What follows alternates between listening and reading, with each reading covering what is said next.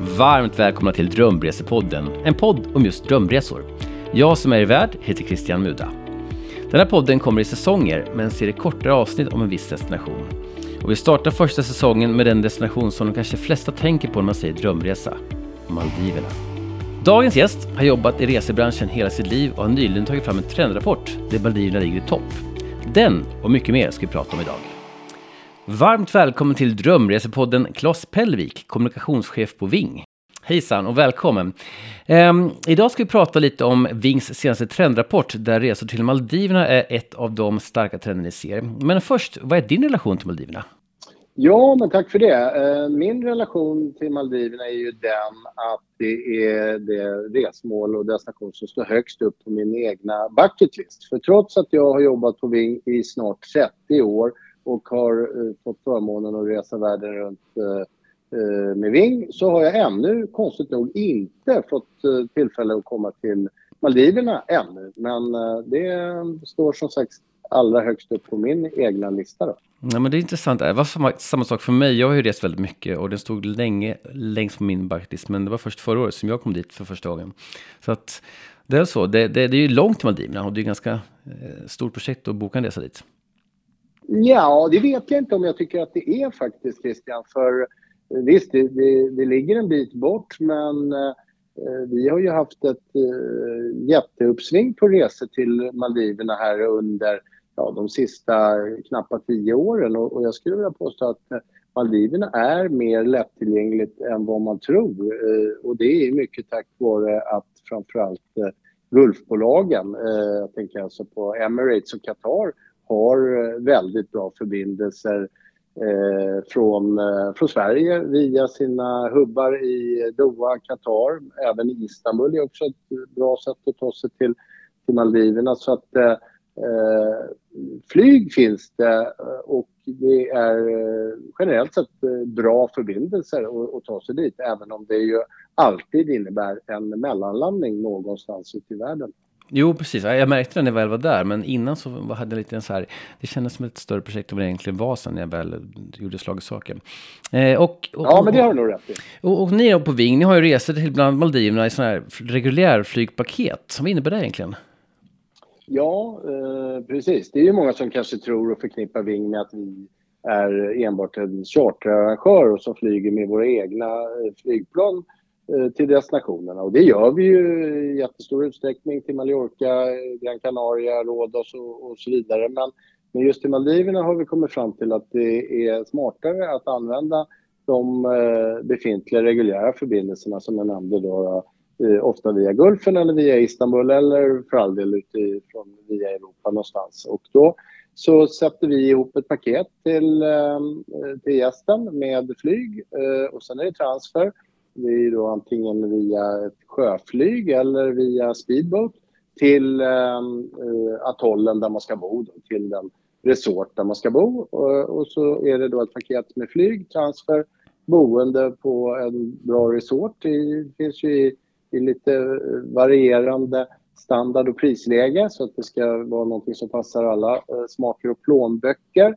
Eh, och många av eh, våra gäster som åker till Maldiverna de väljer också att man kanske inkluderar helpension, halvpension eller varför inte all inclusive så att man har eh, mat och, och dricka också tagit hand om. För ja, Maldiverna är ju inte som kanske många andra resmål där man har ett rikt urval med restauranger och mysiga ställen att gå ut och käka på. Utan här, här är man ju på sin ö eller på sin atoll och så är man där och eh, äter och dricker och eh, umgås och njuter av sol och bad och faciliteter och så vidare. Så det är ganska populärt att många vill göra det. Ja, ja, det, ja, det känns ju, man är ju, det är ju verkligen viktigt att man har en bra restaurang om man ska äta på samma ställe en hel vecka. Det finns ju liksom ingen annan eh, sätt att äta eh, mat på man är på en ö på Maldiverna. Men eh, jag tänkte att den här trendrapporten som eh, ni har, fem restrender inför 2023 och en av de trenderna som ni ser är den här once in a lifetime resor. Kan du berätta lite mer om den trenden? Ja, ja men vi har ju sett det här nu eh, post-covid att eh, det är en, eh, ett stort uppdämt sug efter resande.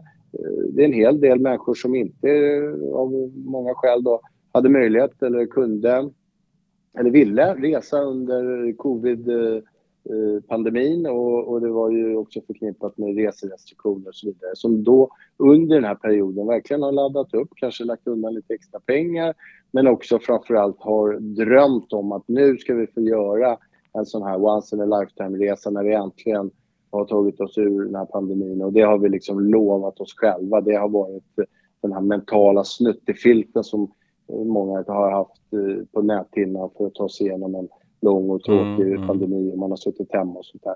Och då eh, är faktiskt Maldiverna det som sticker ut och, och det som är, är, det tydligaste som exemplet på att man eh, unnar sig någonting lite extra. Och eh, där är det just att den här drömmen om att få komma till Maldiverna eh, och sätta sin, Eh, sina fötter på eh, de här stränderna och snorklingen och dykningen och eh, hela den biten. Det, det, är verkligen det som har varit på toppen hos, hos många. Det har varit det ultimata dröm once in a lifetime-resmålet.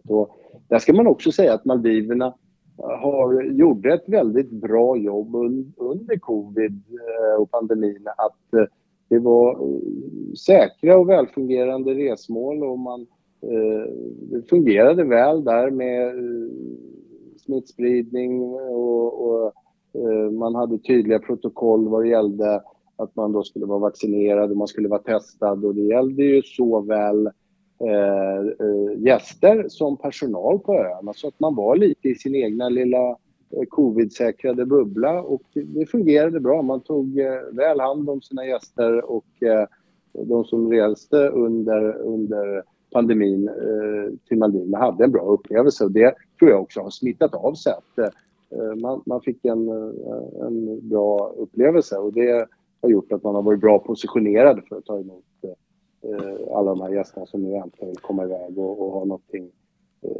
extra som sticker ut. Ja, det var många som åkte dit och stannade där längre än man tänkt från början eftersom det var som en, som en fredad zon. Och det var väl ett av de länder som var öppet också under hela covid. Eh, och eh, jag tror att de inte ens krävde vaccin utan det räckte med ett eh, PCR-test för att komma in i landet eh, för turister. Så att de har liksom aldrig stoppat eh, några turister från att komma dit utan det är ju små öar och det är väldigt lite folk som rör sig på varje ö. Så att har väl sett också få små bubblor som de kallar det. Ja, men precis. Det fungerade som sagt väl under, under den här perioden. Så det, det gjorde, har gjort att man är, liksom, man är bra positionerade, man ligger i bra i Eh, till för att eh, ta hand om de här som vill komma iväg. Ja. Det, Ja, men det, det, det, jag förstår att det är många som har det som sin once in a lifetime-resa. Vad är det för fler trender som ni ser i den här studien? För... Eh, ja, det som ju eh, också sticker ut är ju det här med trygghetsaspekten. Eh, för pandemin har vi väl till största del lagt bakom oss, men sen så har det ju varit andra omvärldsfaktorer som eh, som tyvärr har fortsatt spela in här under året. Eh, tänker på förskräckliga Ukraina-kriget men också eh, det har varit passkaos och det har varit flygplatskaos och det har varit eh, flygbolagsstrejker och, och det har ju varit allt möjligt som har rört till det lite för alla som ska ut och resa. Och då har man satt mycket pris på att man vill gärna resa med, på ett sätt som, som undviker Eh, de här trasslet. Och, och då har vi sett att det har varit mycket av en renässans för paketresan och eh, just Maldiverna är ju definitivt ett resmål som man eh, fördel, med stor fördel, och nu pratar jag ju naturligtvis lite i egen sak, men just det där med paketresa till Maldiverna är ändå en smart, eh, smart lösning. För att Eh, man ska ha ett bra paket som består av ett flyg som kommer in eh, till Maldiverna på en lämplig tid. Och sen så ska man ha den här transfern. Och transfern är ju som sagt eh, spektakulär med eh, antingen sjöflyg eller, Eh, eller båt. Eh, men, men det ska ju också tajmas och det ska fungera så det är lite logistik där. Sen så eh, ska man ju hamna på rätt resort för eh, som jag var inne på tidigare, att det är ju olika eh, inriktning på de här olika resorten och det är inte så att eh, allt passar för alla utan man ska eh, hamna på rätt resort och då är det ju bra att få lite vägledning och hjälp av oss eh, researrangörer då, som har varit där och, och, och tänkt till att jaha, du är barnfamilj, ja men då ska du åka dit. Du ska fira 70-årsdag, ja men då kanske du ska åka någon helt annanstans och så vidare. Eh, och att man då får hjälp av någon eh, som tar ett helhetsansvar eh, och får att alla de här bitarna eh, hänger ihop och att det funkar som det ska.